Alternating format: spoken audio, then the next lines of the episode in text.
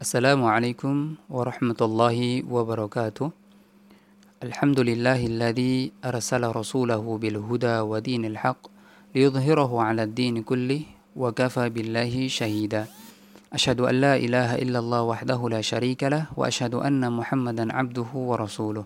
صلى الله على نبينا محمد وعلى آله وأصحابه وسلم. أما بعد Pertemuan kedua pembahasan manhaj atau metode salaf dalam berdakwah yaitu mengenal kalimat salaf.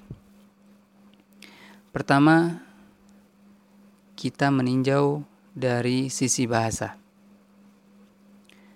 Kata salaf diambil dari bahasa Arab, itu dari kata salafa yaslufu salafan yang artinya telah lalu atau yang lampau.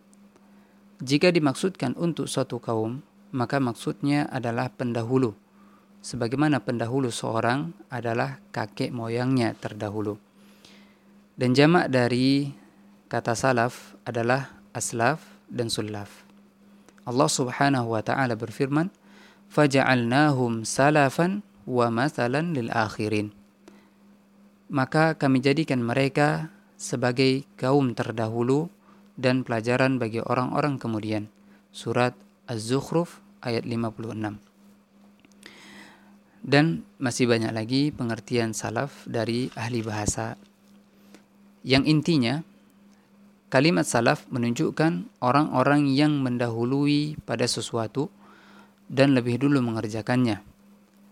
Sedangkan yang setelahnya adalah orang yang mengikuti jalan mereka.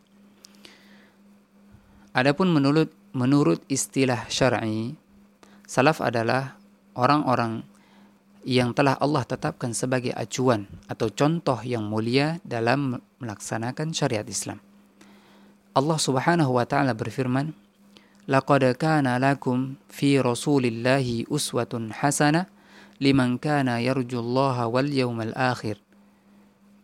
Sungguh telah ada pada diri Rasul suri tauladan yang baik bagimu, yaitu bagi orang yang mengharapkan rahmat Allah dan kedatangan hari kiamat. Surat Al-Ahzab, ayat 21. Dan Allah telah mengabarkan bahwa telah ada bagi umat ini, yaitu umat Islam, pendahulu yang mendahului kita dalam mendapatkan hidayah dan petunjuk.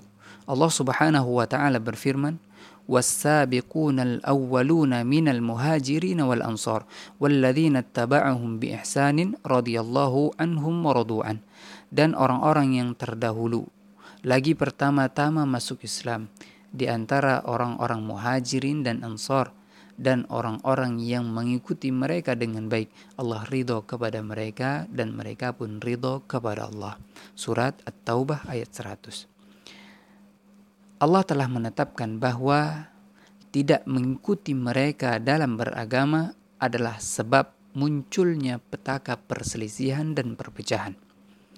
Allah Subhanahu wa taala berfirman, "Wa man yushaqiqir rasul min ba'di ma tabayyana lahul huda wa yattabi' ghayra sabilil mu'minin nuwallihi ma tawalla wa nuslihi jahannam wa sa'at masira." Dan barang siapa menentang Rasul setelah jelas kebenaran baginya dan mengikuti jalan yang bukan jalan orang-orang mukmin, kami biarkan dia dalam kesesatan yang telah dia lakukan itu dan akan kami masukkan ia ke dalam neraka jahanam dan itu seburuk-buruk tempat kembali. Surat An-Nisa ayat 115. Dari ayat-ayat yang disebutkan tadi dapat kita ketahui bahwa umat ini yaitu umat Islam memiliki salaf yaitu pendahulu dalam kebaikan dan hidayah dan lebih dulu dalam beramal menjalankan syariat. Dan sungguh umat ini tidak akan berhasil dalam meraih keba kebaikan kecuali dengan mengikuti jalan pendahulunya dan beramal sesuai dengan apa yang telah dicontohkan oleh mereka yaitu as-sabiqun al-awwalun minal muhajirin wal ansar walladzina taba'uhum bi ihsanin radhiyallahu anhum wa radu'an. Syekhul Islam Ibnu Taimiyah rahimahullah menjelaskan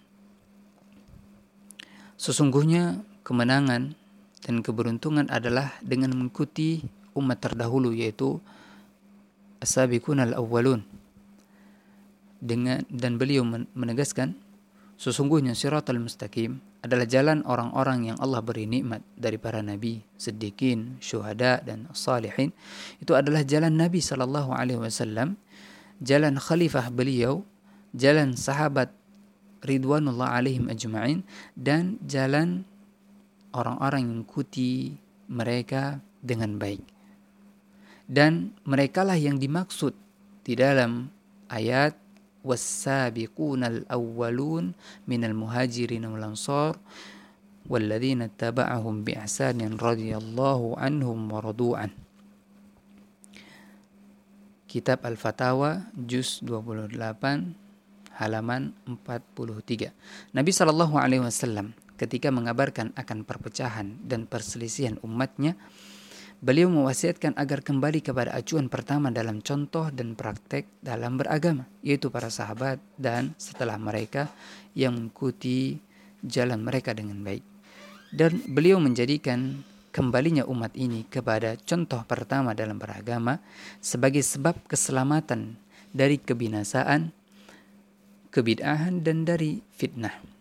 Rasulullah Shallallahu Alaihi Wasallam bersabda, "Fa'innahu man ya'ish minkum ba'di fasayara ikhtilafan kathira bi sunnati wa sunnatil khulafai ar-rashidin al-mahdiyyin addu 'alaiha bin nawajiz wa iyyakum wa muhdatsatil bid'ah bid'ah fa inna kulla bid'ah muhdatsatin bid'ah wa kulla bid'atin.